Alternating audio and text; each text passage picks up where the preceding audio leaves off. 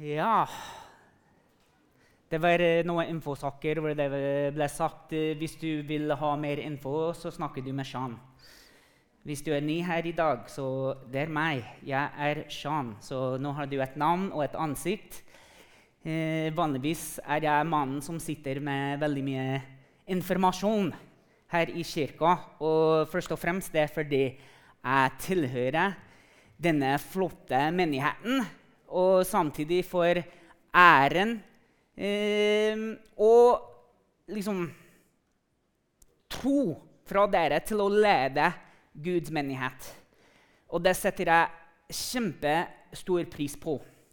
Men for å lede andre mennesker, om det er noen venner, om det er kollegaer, om det er en organisasjon hvor enn en familie, hvor enn du er, så er du en leder. Jeg skal ikke stå her og snakke om lederskap, men for å lede noe du må ha noe gjøremål. Et gjøremål er noe som hjelper oss i det daglige til å gjennomføre våre oppgaver. Så hvis jeg har noe ansvar hjemme, ta ut søpla, vaske klær, brette klær, hva enn det er, så må jeg sette av tid til det. Jeg må ha et gjøremål. Og det gjør det veldig enkelt for meg å se har jeg gjort det.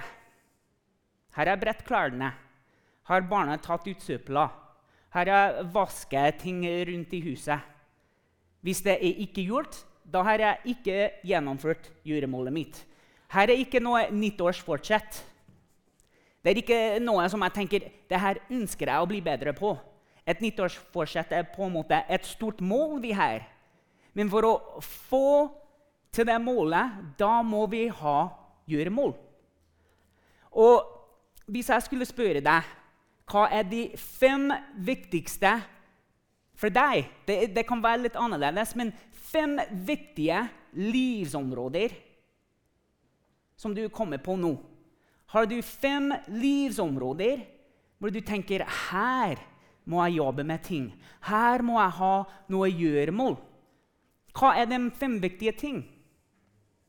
Kanskje du vet det? Og La oss være litt mer spesifikke.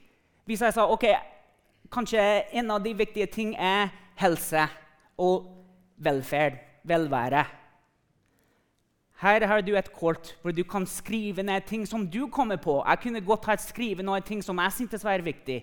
Men når vi går gjennom det her, da kan du skrive ned noen tanker. Her er det jeg har lyst til å jobbe med i løpet av januar. La oss ikke si 2024. La oss bli veldig konkret. I løpet av januar skal jeg jobbe med et par ting angående disse ting. Fordi du har fem viktige områder. Har du noe gjøremål for de områdene i livet ditt? Hvordan du skal få til det store målet der. Hva tenker du på? Hvordan skal du få til det? Hva ønsker du ut av de målene du har satt opp for deg selv? Hva kan vi som menighet gjøre for å hjelpe deg? Men her må vi skikkelig begynne å tenke. på, og, og når jeg tenker på det her, så tenker jeg ah, kanskje jeg, jeg kan komme på, men hva sier forskning om de viktige livsområder? Og da har vi noe som heter Norlag. Det er norske livsløp, alders og eh, generasjoner. Så har vi noe som er Norske dataforskningssenter. Vi har mange forskjellige ting som vi kan søke og finne ut hva er viktige. Men de sier her at vi kommer til de fem viktige. Du kanskje allerede ser dem på kortet. Det var kanskje ikke så lurt av meg å gi ut. først og fremst. Men når vi har gjøremål, så sier forskning at det hjelper oss til å øke produktivitet. Det hjelper oss med organisering. Det hjelper oss å redusere stress, skape balanse i livet vårt. Selvutvikling. Her er viktige ting. Jeg tror alle ønsker at dette blir en del av livet vårt. Vi ønsker å øke produktiviteten vår. Vi ønsker å ha mindre stress. Vi ønsker å ha bedre balanse i livet vårt. Vi ønsker å bli bedre og se at vi har kommet oss videre fra da vi var. Forskning også sier at helse og velvære, arbeid, personlige relasjoner, personlig utvikling og vekst, til og med økonomi For de fleste, som sagt, individuelt så kan det være litt annerledes. Og fyll deg fri til å krysse ut noe og legge til ditt eget område. Selvfølgelig er det greit.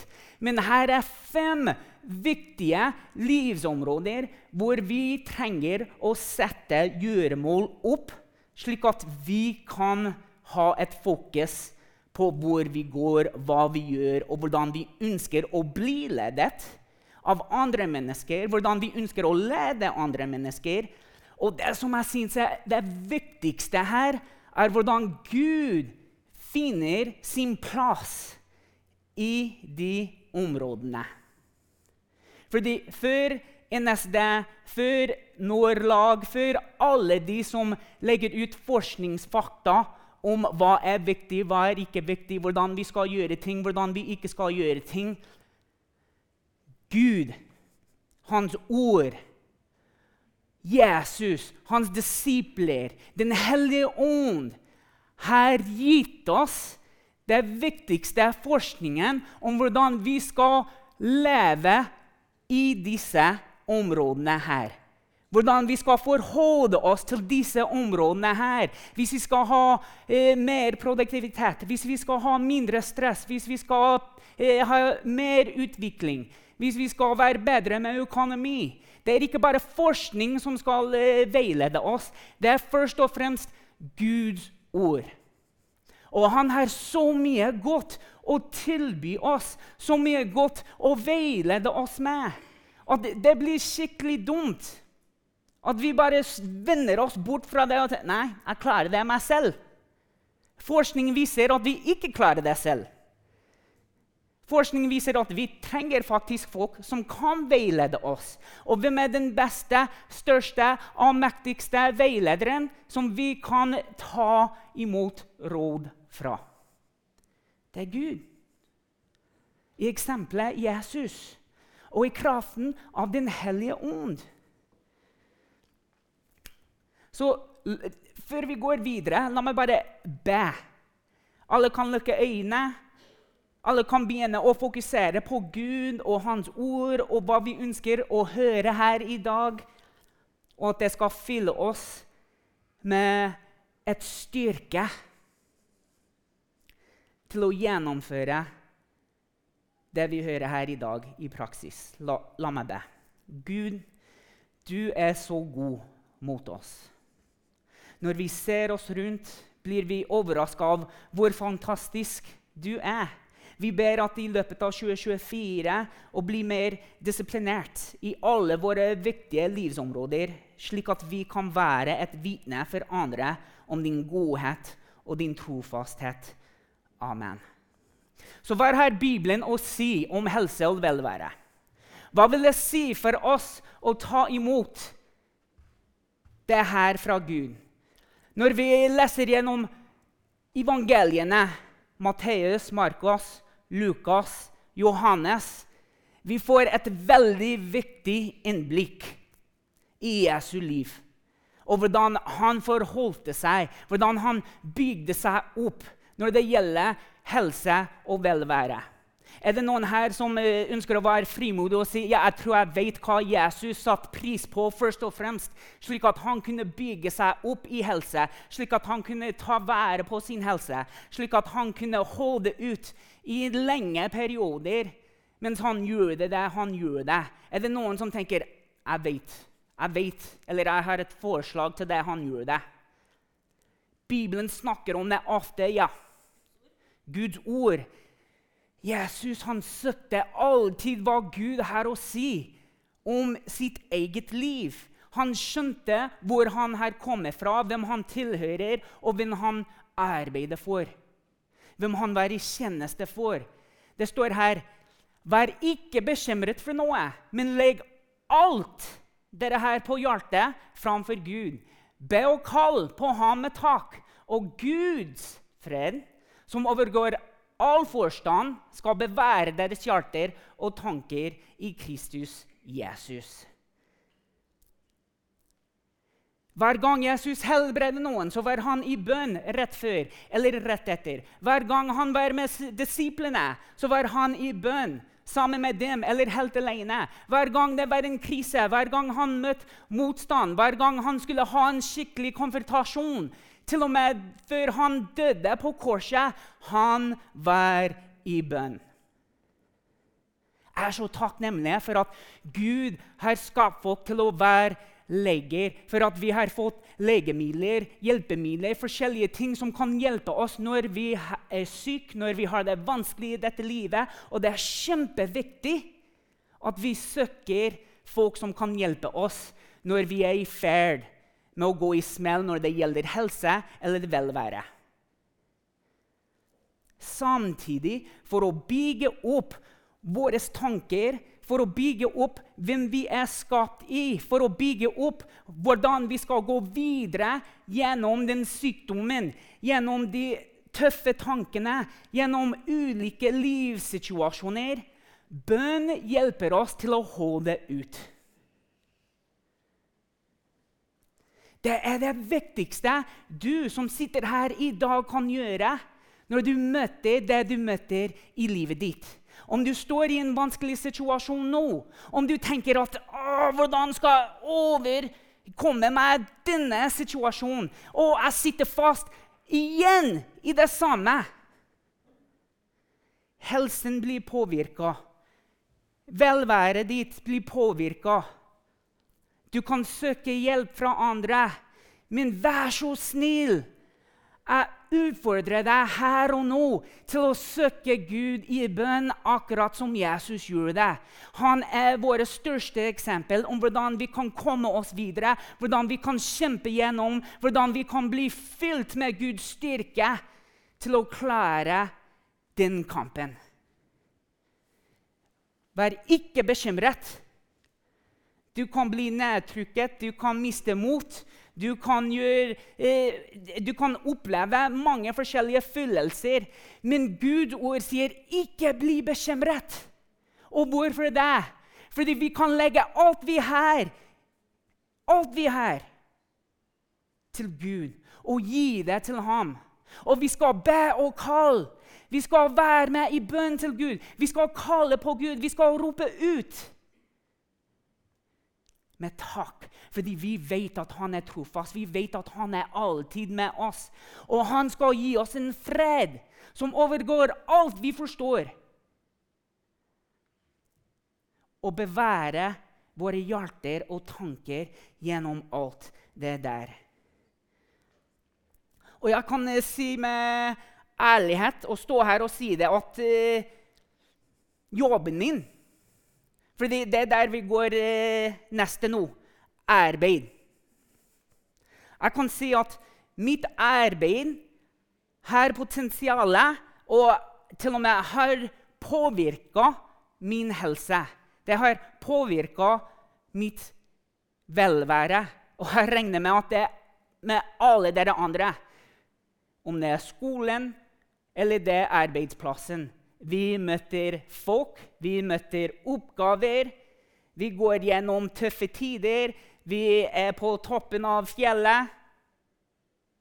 Vi opplever så mye når vi arbeider i dette livet, at det blir ikke riktig å si at det ikke påvirker hvordan vi har det til daglig når det gjelder helse eller velvære.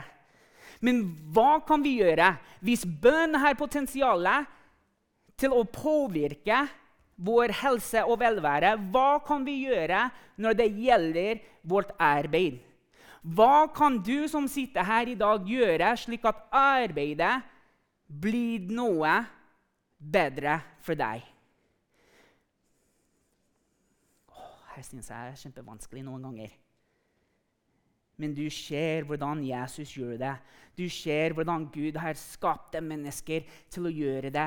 Adam og Eva som er ute av hagen, særlig Adam, siden han var første skapt. Liksom, han arbeider med glede og integritet. Sånn kan vi også gjøre det. Når vi arbeider med glede og integritet, blir arbeidslivet enda bedre. Det er ikke alltid så enkelt, men det er mulig.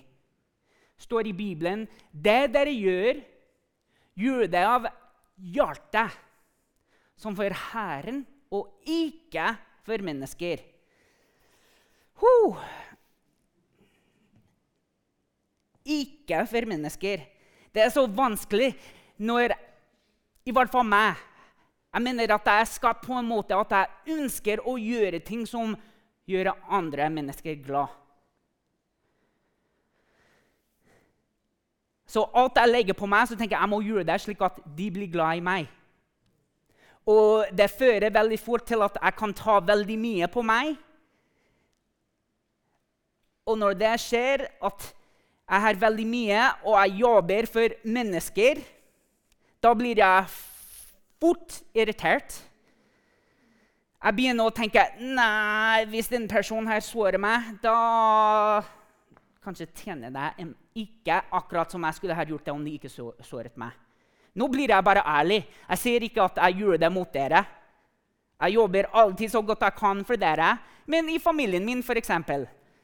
Det er bare det er fire av oss, fem inkludert meg. Men uh, hvis noen sårer meg, så blir jeg Ja, hva kan, hva kan jeg gjøre? Hva kan jeg si? Fordi jeg glemmer hvem lever jeg dette livet for? Hvorfor gjør jeg dette arbeidet? Det er, det er, absolutt ikke for dere. Det høres veldig rart ut, men det jeg holder på med, er ikke for dere. Det er først og fremst for Gud. Og når jeg har Han i fokuset mitt, når jeg vet at det er Han som gjør meg styrke, det er Han som har kalt meg til å arbeide, når jeg har Jesus i fokus, da er det litt enklere for meg å se at ja, han ble litt irritert, til og med sint, noen ganger.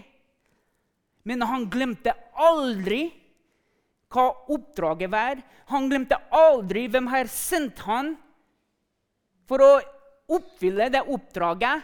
Og han jobbet alltid med glede og integritet. Hva gjør du på jobben din? Hvordan arbeider du i hverdagen? Hvem er det du tjener på arbeidsplassen din? Hvorfor er du på arbeidsplassen din? Er det bare for å tjene penger? Er det bare fordi du har en oppgave som må gjennomføres? Hvorfor drar du på norskkurset? Hvorfor har du relasjoner med andre mennesker? Fordi det er ikke alle som er i arbeidsplassen akkurat nå. Men det er alle som har arbeid å gjøre. Hva er gjøremålet ditt i hverdagen for å bruke det arbeidet du har blitt ansvarlig for, til å vise folk at Gud er med deg i den gleden han har gitt deg til å gjennomføre oppgaven du har fått, og gjøre det med integritet. Vi tenker på Josef. Her er en veldig kjent historie om en som var trofast i tjeneste som om han var i fangerskap til Potifar. Han gjorde kjempebra jobb der, til og med ble sendt til fengsel fordi han her ikke tenkt å eh, synde mot Gud, men helst løpte bort. Ble klaget for noe, men likevel gjorde han alt det han ble ansvarlig for, uten klaging. Han gjorde det alltid litt ekstra og jobbet med glede og integritet han virkelig forsto at det var ikke mennesker han jobbet for, men det var Gud.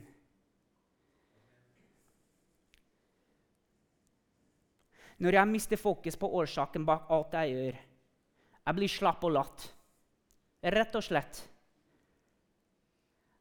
Jeg mister visjonen for hvorfor jeg gjør det jeg gjør. Men det står i forrige verset 'ikke være bekymret'. Og det skal dere ikke være bekymret for meg heller, fordi jeg vet f.eks. hvis noen gjør meg lei, som sagt, da skal jeg komme meg over den. Fordi jeg må komme tilbake til hvem Gud er i mitt eget liv. Og jeg tenker Om vi glemmer hvem vi arbeider for, så kan vi også risikere å miste vår glede og integritet. Og måten vi jobber på, er så viktig. Når vi glemmer hvem vi tjener med vår karriere, kan vi bli fortere irritert og jo raskere å finne feil hos andre og skylde dem på hvorfor vi har det slik. Det har jeg gjort. Tenker nei, det er ikke min feil. Det er den andre personen sin feil. Men hvor er integriteten i det? Hva kunne jeg ha gjort? Hvordan kan jeg jobbe i den situasjonen, slik at vi kommer tilbake i god relasjon med hverandre?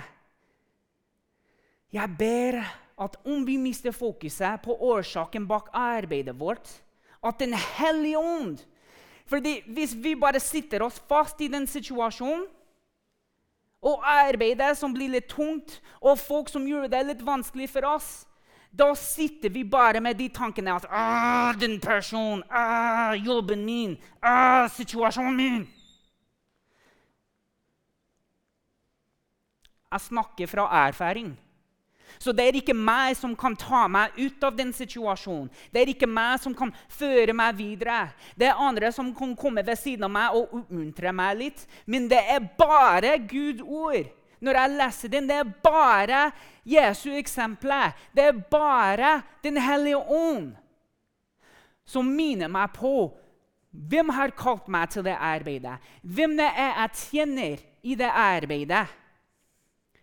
Og at jeg har fått styrken til å gå videre og blitt ansvarlige for at alt vi holder på med, skaper gode relasjoner. Så om bønn kan påvirke vår helse, om, vi, om å huske på hvem vi tjener, kan hjelpe oss i vårt arbeid, og at vi arbeider med glede og integritet, hva kan hjelpe oss med gode relasjoner. Om vi vil stortrives i dette livet, da må vi ha mennesker rundt oss som skal passe på oss, som skal utmuntre oss, til og med utfordre oss. Og Det er tre viktige ting som skaper gode relasjoner. Samtidig, når folk passer på oss, når folk utmuntrer oss, eh, og utfordre oss, det har eh, liksom stor potensial til at man føler seg fornærmet. At man kan bli trukket på og føle seg ikke forstått. Fordi utmuntring noen ganger kan komme i formen av irettesettelse. At vi passer på andre, betyr at vi kan si at ja, men, kanskje du bør ikke gjøre akkurat det. Kanskje du bør prøve noe annet. Kanskje du må sette noen grenser. Da kan man føle litt fornærmet. Sånn, 'Jeg vet at vi er venner, men hvorfor, hvorfor sier du sånne ting?' Det er mitt liv.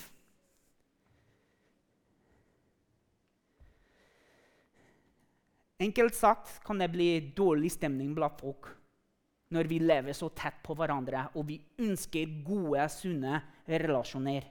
La meg bare illustrere det her med en kort historie. Jeg kjenner godt til en uh, god voksen dame. Og den damen har en datter som er også god voksen. Datteren hun var gift med tre hun var gift. Skal ikke si hun var gift med tre ungdommer. Det høres ikke riktig ut, nei. Uh, hun var gift, hadde tre uh, ungdommer. Og en dag tok hun en skikkelig, skikkelig dum avgjørelse. Som endte at mannen hennes eh, sparket henne ut av huset. Hun måtte flytte inn med, hos uh, mora si.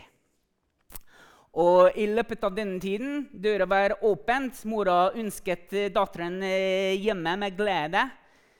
Ingen fordømmelser fra mora. Det var eh, en mor som var bekymret for sin datter og sine barnebarn. Tenkte hvordan kan jeg stille opp for dem?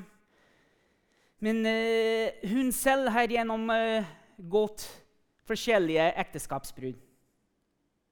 Og visste hva det vil si å gi noen omsorg.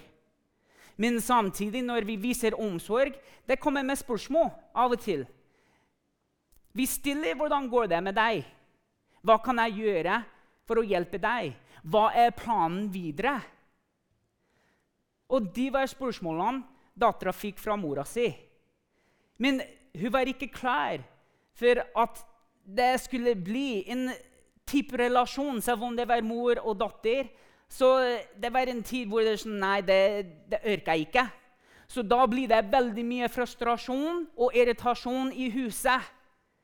Hun vil vite mer, hun vil vise omsorg, men datteren vil ikke ta imot. Hun vil ikke si noe, frem til at det ble voldelig angrep fra dattera til mora.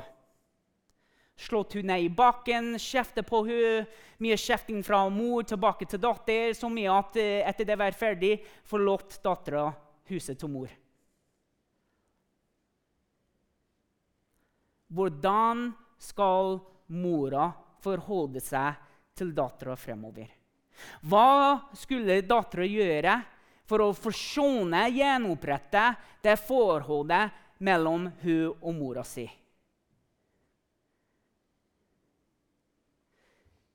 Bibelen har godt råd for alle som vil gjenopprette relasjoner som har gått i stykker. Det er ikke enkelt råd å leve inn i livet. Likevel er det verdt å praktisere om man vil komme seg videre. Vi har Petter som kommer til Jesus og spør, ham hvor mange ganger skal min bror kunne synde mot meg, og jeg likevel tilgi ham? Så mange som sju? Ikke sju ganger, svarte Jesus, men jeg sier deg 70 ganger sju.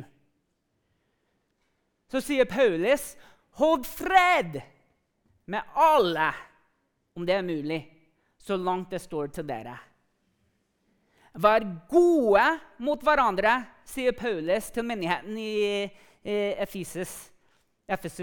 Vis medfølelse og tilgi hverandre, slik Gud har tilgitt dere i Kristus.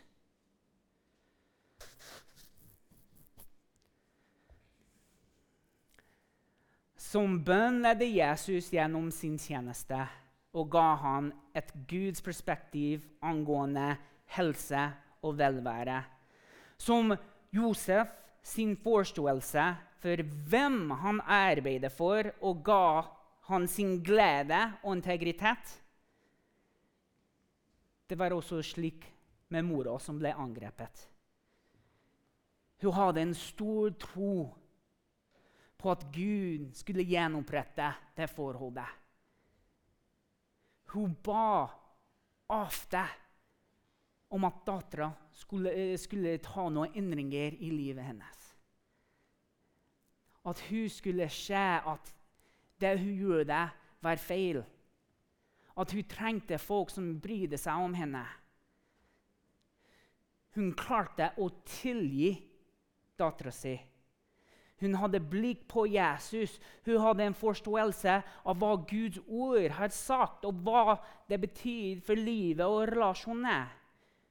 Hun klarte å holde fred fordi man virkelig har lyst i den situasjonen til å få hevn på en eller annen måte, til å si ting som skal såre den andre personen. Men å holde fred, det er det viktigste. Det er noe som jeg har lært fra en mann i livet mitt som sier jeg gjør alt mulig i ulike situasjoner hvor jeg møter utfordringer i relasjon med andre mennesker, og holder fred så langt det står til sier, Paulus sier ikke hvis det ikke står til, da skal de bare slå dem ned og si ting og bli ferdig. Nei. Hvis det, du ikke får det til, så du har gjort alt som er mulig. Forholdet er ikke mulig lenger. Du går videre. Ikke noe illvilje for din person og fordi du har tilgitt dem hvis det var et behov, og fordi du har holdt fred i den situasjonen, så skal de bare ha takknemlighet. De bør bare ha takknemlighet og respekt for at den personen der klarte den situasjonen veldig bra. Og hun husket at vi skal være gode. Gode mot hverandre. Vi skal vise medfølelse uansett situasjon, og vi skal tilgi. Fordi Jesus har tilgitt oss.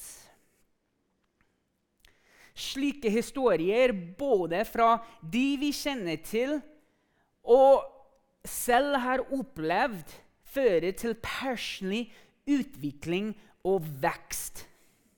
Det er det neste poenget her. At alt vi opplever i dette livet, når vi vender oss til Guds ord Når vi bruker tid i bønn, når vi lever tett på hverandre At disse tingene skal føre til personlig utvikling og vekst. Spesielt når det gjelder å styrke ens tro. I Jakobs brev så står det Se det bare som en glede, søsken, når dere møter alle slags prøvelser. For dere vet at når troen blir prøvet, skaper det utholdenhet. Men utholdenheten må føre til fullkomne gjerning, så dere kan være fullkomne og helle uten noe mangel. Dette bibelverset oppfordrer oss til å se på prøvelser som muligheter for vekst og utvikling. Og den nevner at tålmodighet spiller en viktig rolle i denne prosessen.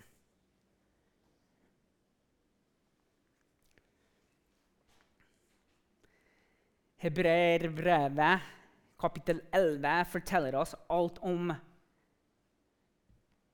troens helter og gir mange eksempler på personer som utvikler sin tro.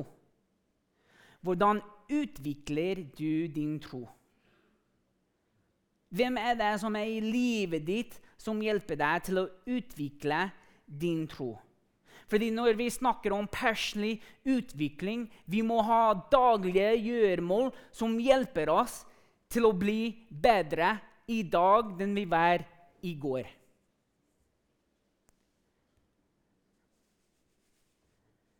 Personlig utvikling når det gjelder vår tro, har også mye med Guds menighet å gjøre. Og vi snakker i lederteamet hvor viktig det er for oss å ha fokus på Guds gaver i livet vårt. Så i løpet av dette semesteret skal vi begynne å hjelpe dere som er interessert. Hjelpe dere som ønsker å ta et skritt videre i åndsgaver, til å finne ut hva er de gavene Gud har gitt meg. Hvordan kan jeg bruke de gavene Gud har gitt meg? Fordi det er ikke bare opp til deg til å finne det ut. Det er en del av menighetslivet. Det er en del av de som sitter ved siden av deg, som skal hjelpe deg til å utvikle i din tro og dine gaver. Og disse gavene vi har fått, de skal hjelpe oss til å komme videre, til å tjene mer, til å oppleve mer av Guds nærvær. Sånne ting må vi ta hensyn til når vi lever i et forhold med hverandre og med Gud.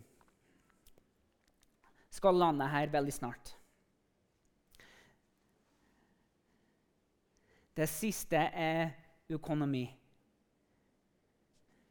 Det står i første kor 16 1-2. Når det gjelder innsamling til de hellige, skal også dere gjøre slik jeg har pålagt menigheten i Galatia. Først dag i uken skal hver enkelt av dere hjemme hos seg selv legge til side så mye som dere er i stand til, for at innsamlingen ikke først skal begynne når jeg kommer. Dette verset viser viktigheten av å sette en del av ens inntekt til Guds arbeid. Det krever litt planlegging og et veldig tydelig gjøremål. Paulus sier første dagen i uken. Jesus snakker om å være sjenerøs. Det gamle testamentet forteller oss om å sette av eller gi en tjene til Guds hus. I vår dag, vår kultur, så snakker vi om en dag i måneden når vi velger oss selv hvor mye vi skal legges til side for å ære Gud. I Lukas 21, 1-4 får vi lese en historie om Jesus og sine disipler som er samlet i tempelet. Og de observerer folk som gir til eh, tempelkisten. Og alle gir av sin overflod. Alle gir, alle gir. Så kommer en enke som er fattig, ifølge Jesus. Og hun legger de siste myntene, hun her. Og han forteller sine disipler hun der har gitt mer enn alle de andre. Det hadde ikke noe som helst å gjøre med beløpet. Det hadde alt å gjøre med hjertet. Gud ser hjertet vårt. Han ser den gleden vi ønsker å gi med.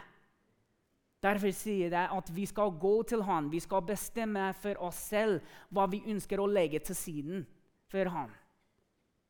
Og så gjør vi det. Vi har et gjøremål om hva vi ønsker å gi, og hvordan vi kan gjøre det. Og hver eneste måned, om vi planlegger det, og vi ofrer det vi har, så er det mulig å ære Gud med vår økonomi.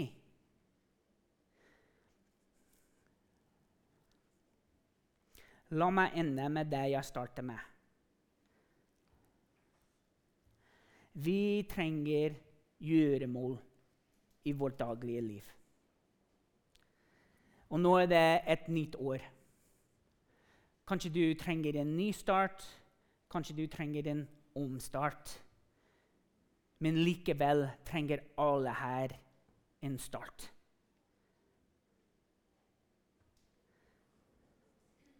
Det skjer ikke av seg selv. Du trenger noen gjøremål som kan hjelpe deg til å nå dine mål og vokse nærmere Gud i fellesskap og med andre. På et åndelig nivå kan gjøremål referere til praksiser eller aktiviteter som fremmer åndelig vekst og forpliktelse. Vi må forplikte oss til sånne ting. Og det gjelder bønn, det gjelder knekkgrupper, en tjeneste som skjer på søndager, eller andre ukedager. Bibellesing og refleksjon om hva Guds ord sier, og hvordan vi kan jobbe det inn i livet vårt. Å ha daglig gjøremål av denne typen kan forberede, forbedre din hverdag på flere måter. Det er ro inderlig fred, mindre stress, bedre fellesskap. Det kan hjelpe deg med å håndtere livet bedre. De var ikke skapt til å gjøre alt alene. De var ikke skapt til å håndtere alle livssituasjoner alene og av dine egen forstand og ressurser. Du var skapt til å ha en relasjon med Gud som viser deg hvordan å leve dette livet gjennom Jesu forbilde og styrke av Den hellige ånd. Til slutt og kort sagt kan åndelige gjøremål berike ditt liv, din hverdag, ved å fremme alt Gud ønsker for deg i dette livet men du må være villig til å komme nærmere ham. Og det er min bønn for alle dere her. Ikke i 2024, men nå, i dag, i løpet av de neste ukene hvor vi skal skikkelig fokusere oss på de tingene. Og jeg håper du har skrevet noen ting ned. Jeg håper at du begynner å forme noen tanker om hvilke gjøremål du skal ha for å komme deg videre i de livsområdene. La oss be. Gud, vi takker deg for at du har gitt oss styrke, for at du har gitt oss frimodigheten, for at du har satt oss her i en menighet hvor vi kan oppleve ditt nærvær. Hvor du ønsker at vi skal komme oss nærmere deg, Gud. Jeg ber her i løpet av de neste ukene at vi skal virkelig sette fokus på deg, Jesus, og hvor du kaller oss eh, til å bygge opp vårt liv. Gud, at du skal hjelpe oss eh, i vår helse, at du skal hjelpe oss i vårt arbeid, at du skal hjelpe oss i våre personlige relasjoner med andre, at du skal hjelpe oss til å utvikle oss i tro og andre områder, og at du skal hjelpe oss til å ære deg med vår økonomi. I Jesu navn priser vi ditt navn. Amen.